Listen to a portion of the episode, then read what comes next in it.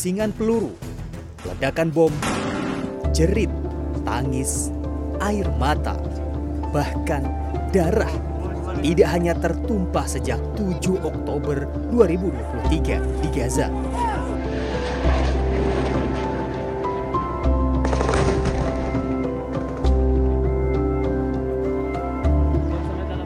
Jauh sebelum itu, peristiwa tragis ini sudah terjadi.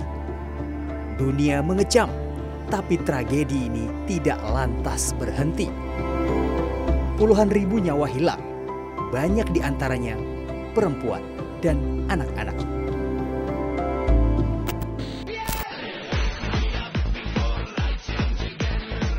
Sementara pemandangan seperti ini muncul dan membuat geram warga dunia yang seolah tidak bisa melakukan apa-apa. Menyusul keresahan ini, warganet Indonesia di jagat maya mulai menyusun strategi, merapatkan koordinasi, dan mengusung sebuah pergerakan. Memang awalnya diawali dari keisengan gitu ya, jadi tidak direncanakan sebelumnya dan waktu itu pas di tanggal 16 November waktu itu saya sempat scroll di Instagram begitu kan kalau di Instagram kita kan bisa cek lewat lokasi di Gaza ada gambar apa aja begitu kan nah dari situ waktu saya cek ternyata banyak foto-foto yang di Gaza itu menampilkan tentara IDF yang sedang menampilkan mereka lagi berselfie ria mereka lagi Eh, tenteng senjata kayaknya menampilkan suatu kebanggaan gitu kan. Nah, ini kan suatu hal yang sifatnya mengganggu nurani kita gitu ya. Kok mereka bisa melakukan hal seperti itu? Nah, kemudian saya kepikiran gimana nih kalau kita bawa nih ke netizen Indo nih soal kayak gini gitu. Unggahan dan ajakan Gresinov tersebut disambut baik warganet Indonesia. Akun-akun provokatif dari Israel mulai disambangi troll dan hashtag Free Palestine dari warganet Indonesia di berbagai platform media sosial. Serangan bertubi-tubi di jagat maya ini merupakan reaksi terhadap aksi provokatif. Misalnya, saat presenter berita Israel, Shea Golden, melontarkan hujatan dan tantangan kepada Gaza, Palestina, dan dukungannya, warganet langsung gencar melancarkan serangan. Ini adalah pernyataan provokatif dari Shea Golden. לכם כל יום. אנחנו באים. אנחנו באים. אנחנו באים לעזה. אנחנו באים ללבנון. אנחנו נבוא ל... Dan inilah yang terjadi beberapa hari kemudian. Presenter berita ini mengaku akunnya diserang bertubi-tubi. Akun pribadi keluarganya pun tak luput dari serangan. Ketika akun media sosialnya tumbang, Golden meminta ampun dan memohon maaf kepada warganet Indonesia. Serangan warganet ini kemudian disebut sebagai gerakan julid visabilillah. Sasarannya adalah akun-akun pro-Israel dan agresi militer yang dilancarkan ke Gaza. Kita menunjukkan terutama ke tentara IDF, kemudian polisi, kemudian media propaganda dan akhir-akhir ini kita berhasil seperti mertas gitu ya informasi pribadi dari para petinggi-petinggi pejabat pemerintahan Israel gitu. Jadi makanya kemarin sempat booming di berita internasional bahwa uh, pejabat pemerintahan di Israel ini jadi terganggu, jadi merasa ter ter terteror dengan apa yang kita lakukan ini. Tujuan gerakan ini adalah untuk melawan propaganda Israel yang selama ini mengklaim serangan mereka ke Gaza dilakukan sebagai bentuk pertahanan. Gerakan ini juga memiliki code of conduct atau komitmen dan etika yang jelas bahwa gerakan ini hanya menyerang Israel, Zionis, dan para pendukung propagandanya, bukan menyerang agama Yahudi ini adalah salah satu cara kita untuk memenangkan perang propaganda gitu. Karena Israel dia akan selalu eh, menggelontorkan uang cukup banyak untuk membiayai eh, program propaganda mereka yang dinamakan Hasbara. Dan biaya propaganda ini tidak murah. Dia harus mengeluarkan uang yang cukup banyak dan dari situ dengan kehadiran kita masuk ke julid visabilillah ini biaya mereka dalam propaganda semakin besar Karena apa? Karena perlawanan dari masyarakat netizen pun semakin besar dan mereka membutuhkan lebih banyak buzzer, membutuhkan lebih banyak orang yang ber, terlibat di propaganda untuk semakin uh, gencar dalam menyuarakan narasi-narasi mereka begitu.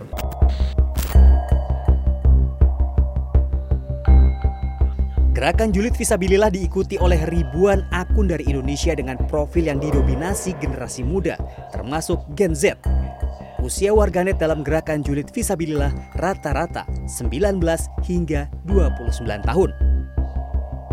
Sebelumnya, unggahan anti-Israel dan Zionis sebenarnya sudah marak di media sosial, namun tidak terkoordinasi Munculnya gerakan julid visabilillah membuat warganet anti-Israel bersatu menghadapi propaganda Israel.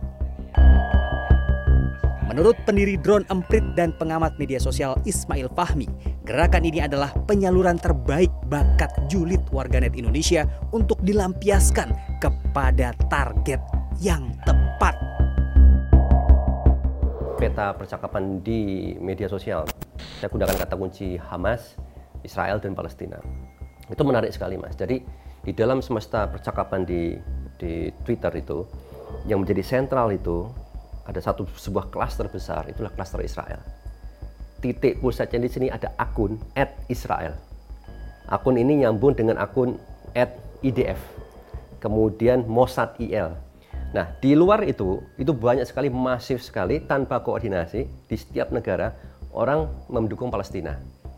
Nah, tapi di sini yang terjadi adalah bagaimana terkoordinirnya narasi dari Israel ini dari pusat sana kemudian menyebar ke seluruh dunia. Sementara kita sendiri sendiri sendiri. Nah, ini saya lihat ada suatu strategi yang dibangun. Bagaimana chain of information, bagaimana sambungan informasi yang terjadi. Ketika ini e, menjadi strategi besar dari Israel dan kemudian muncul katakan jihad e, julid visabilillah yang terkoordinir juga. Ini artinya apa? Ini berhadapan-hadapan dengan Israel perangnya bukan hanya perang di darat, perang di media sosial dan Israel saya lihat dia tuh invest yang sangat besar. Dia jadikan media sosial sebagai medan pertempuran yang sangat penting juga karena semangat kekesalan, semangat ketidakberdayaan tadi berubah menjadi harapan. Nah, julid visabilillah ini jadi harapan. Saya kira ini merupakan upaya untuk menyalurkan. Orang Indonesia kan terkenal julidnya.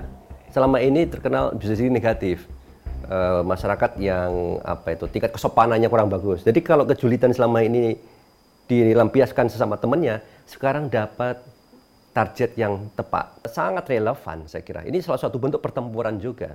Kita nggak bisa turun di lapangan, ya kita merasa hopeless ya selama ini, merasa nggak berdaya. Tapi sekarang ada harapan kita bisa bertempur karena kita berhadapan dengan salah satu pilar strategi perang dari Israel yaitu media sosial. Kita main di situ. You IDF? Yeah. What's the IDF stand for? Israeli Defense Force. Israel Diapers Force.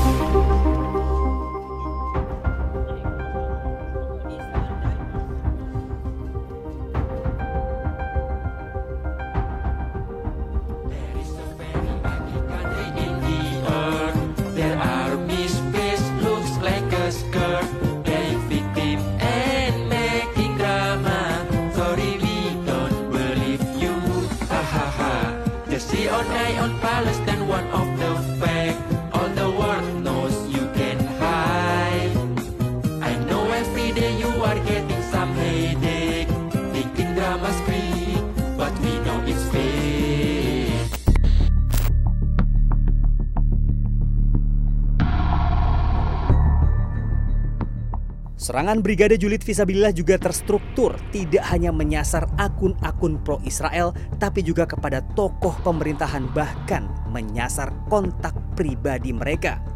Gerakan ini memastikan apa yang mereka lakukan bukanlah hiburan atau main-main. Ini adalah gerakan serius dan serangannya baru saja dimulai.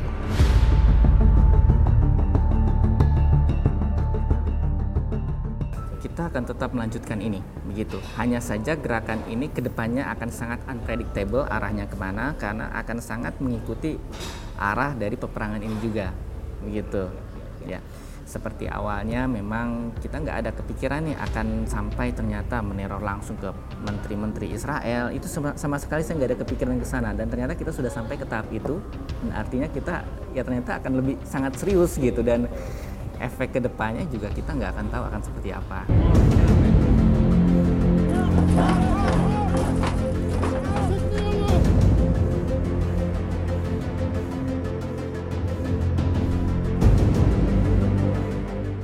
Nah sekarang muncul julid visabilillah. Mereka terkejut dan strateginya kita adalah strategi satu persatu, ya, perang perang gerilya satu persatu ini. Ketika eh, orang-orang julid ini bersatu dan difokuskan, dampaknya kerasa.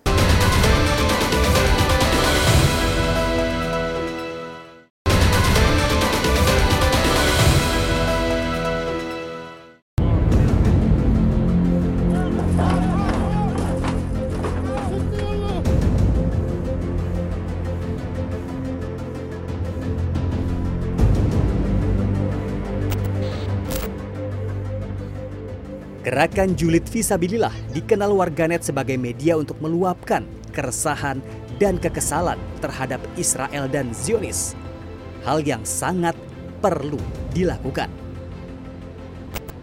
Pernah dengar istilah julid visabilillah nggak? Pernah dengar. Oke, apa sih julid visabilillah itu? Kayak komentar negatif gitu tentang Israel. Ah. Terus ya macam menghina gitulah. Oke, menurut Mbak hmm. uh, perlu nggak sih ada gerakan julid visabilillah? Ya sih perlu banget itu buat Israel yang manusianya kebangetan. Kebangetan. Gak ada kemanusiaan. Gerakan untuk uh, memerangi perang yang ada di Israel ah. untuk ngelawan tentara IDF sih. Oke. Itu doang yang mau uh, Menurut Mas ini perlu nggak dilakukan sebagai orang Indonesia, netizen Indonesia?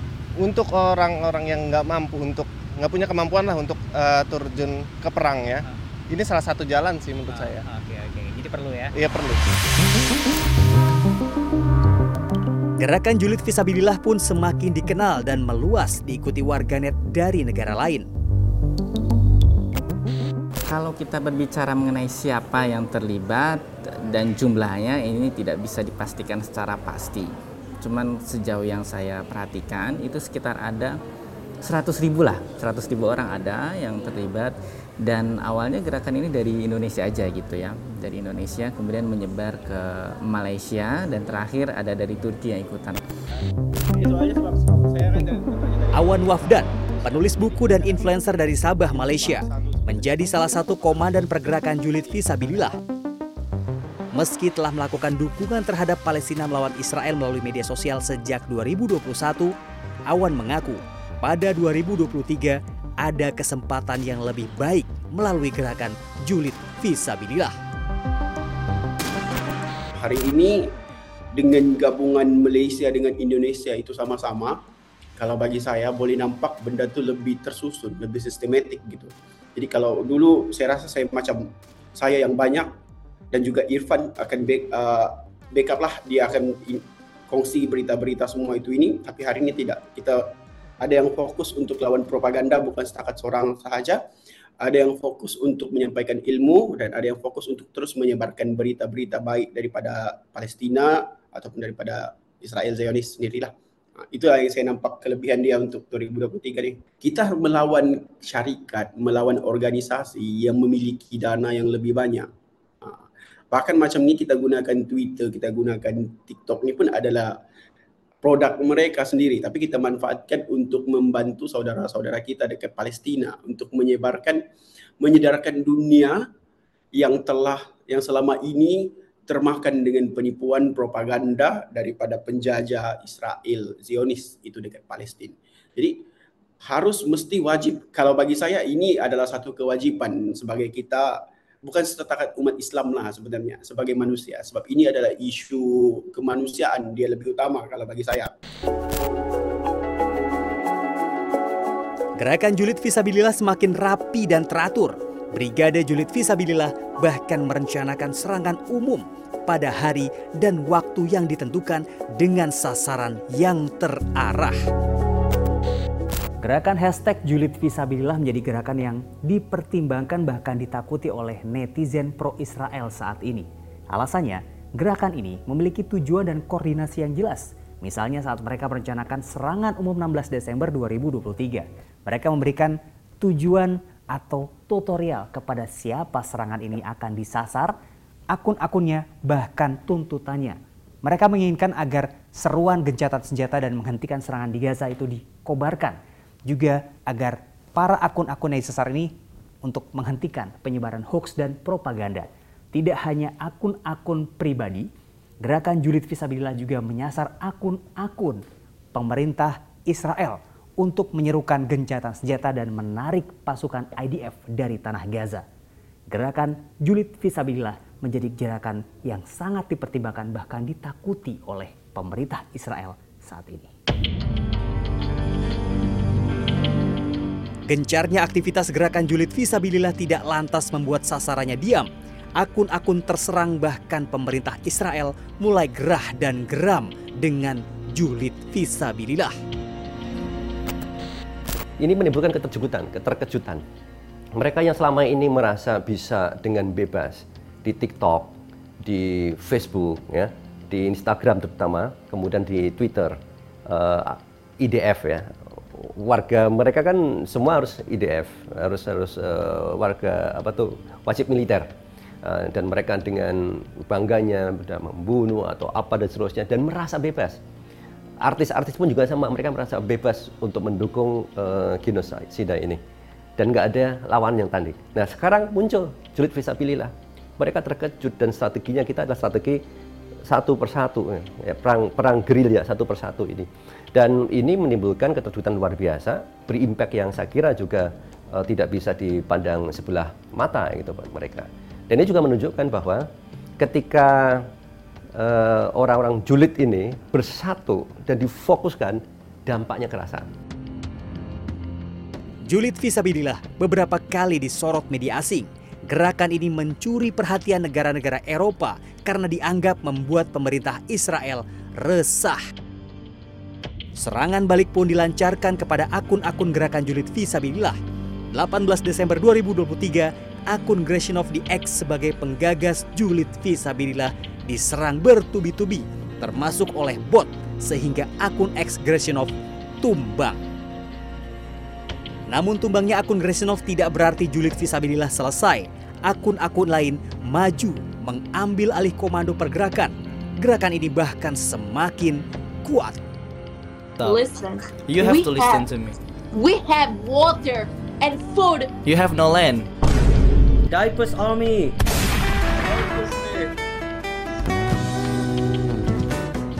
Perang di jagat internet ini meluas tidak hanya di media sosial X tapi juga dilakukan di platform video chat dan streaming seperti Ome TV dan YouTube. Tidak hanya oleh warganet Indonesia tapi juga dari seluruh dunia.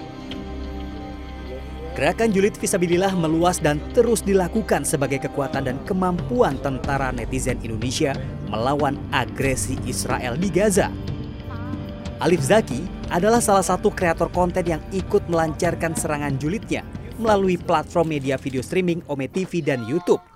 Lalu yang seperti kita ketahui juga bahwasanya Indonesia itu negara dengan begitu banyak uh, populasinya dan juga muslim terbanyak di dunia. Dan tanpa kita sadari, populasi itu menjadi sebuah power tersendiri Mas bagi kita. Nah, lalu kenapa sih gerakan visabilillah ini, julid visabilillah ini dilakukan oleh netizen? Karena itulah power kita yang bisa kita lakukan saat ini dengan kekuatan tentara netizen Indonesia. Ibaratnya kalau jalur darat gak bisa kita tempuh, jalur cyber masih ada gitu. Langkahnya itu ya dengan mengikuti gerakan kayak gini tuh setidaknya kan Allah tahu ya ke mana kita berpihak gitu. Apakah kepada kebenaran atau kepada kebiadaban yang dilakukan oleh Zionis seperti itu. Nah, dan kita kan nggak pantas untuk diam aja gitu kan. Gerakan ini dilakukan sebagai sikap dukungan kepada Palestina. Alif merasa tidak pantas berdiam diri melihat tragedi yang terjadi oh, di Gaza. You're the army. The army or a dancer? Military of Israel. He's TikToker. Oh, you're TikToker. You doing dancing, right? Nah, jadi kita tuh langsung face to face tuh Mas sama orang Israelnya. Nah, Nah, di situ kalau misalkan saya ketemu orang Palestina di platform tersebut, saya bakal kasih semangat motivasi, support dan juga dukungan penuh lah seperti itu. Bahkan kita juga doa bersama di situ. Nah, pun sebaliknya ketika saya ketemu sama tentara IDF, terus juga warga Israel yang benar-benar pro dengan genosidanya, barulah saya troll atau prank gitu untuk menjatuhkan mentalnya.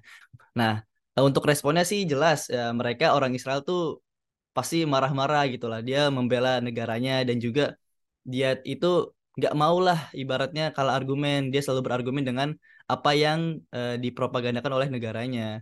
Dan kebalikannya dari Palestina mereka tuh selalu bilang makasih banyak atas dukungannya Perjuangan tentara cyber julid visabilillah tidak hanya intensif menyasar target negara Israel, warganet pro-Israel, dan sekutunya, namun juga melancarkan seruan diplomasi kepada pemerintah Indonesia. Di antaranya, mengirimkan surat terbuka kepada Presiden Jokowi dan Menteri Perhubungan untuk melarang kapal dagang Israel melintas di wilayah Indonesia. Dukungan dari Indonesia kepada Palestina tidak hanya sekadar gerakan perang di jagat media sosial. Pemerintah Indonesia juga gencar menyerukan gencatan senjata, bahkan wacana Palestina Merdeka melalui Menteri Luar Negeri Retno Marsudi di berbagai ajang dan sidang termasuk di mimbar Majelis Umum PBB. I cannot stand still to see thousands of death of innocent women and children. I cannot stand still to see homes, schools, and hospitals being flattened to rubble. Last week, Together with a number of the OIC foreign ministers, I traveled to Beijing, Moscow, London, and Paris. Those countries are permanent members of the Security Council, uh. I urge them to do more for justice and humanity for Palestine. And I will continue this effort to reach and talk to as many countries as possible. There are no military solution to this conflict. Political solution is the only answer. We need a credible negotiation process that is transparent and equitable, with Palestine and Israel having equal standing as UN full members, leading to a two state solution based on internationally agreed parameters. Mr. President, Indonesia calls on the global community to stand together with humanity. Only by uniting can we bring peace to Palestine and the region. Only by using our heart can we bring humanity and justice. I thank you very much.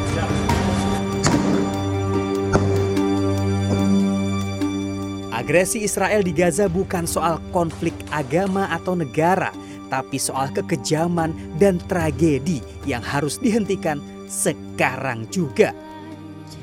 Lit up the sky over Gaza tonight. We will not go down in the night without a fight. You make me cry. Oh my god, seriously. Yeah. Yes, this is a meaning of free Palestine. Yes, I'm soldier in the Israel army, but uh, I don't care what what you believe. I appreciate yes. that. Yes. Keep going.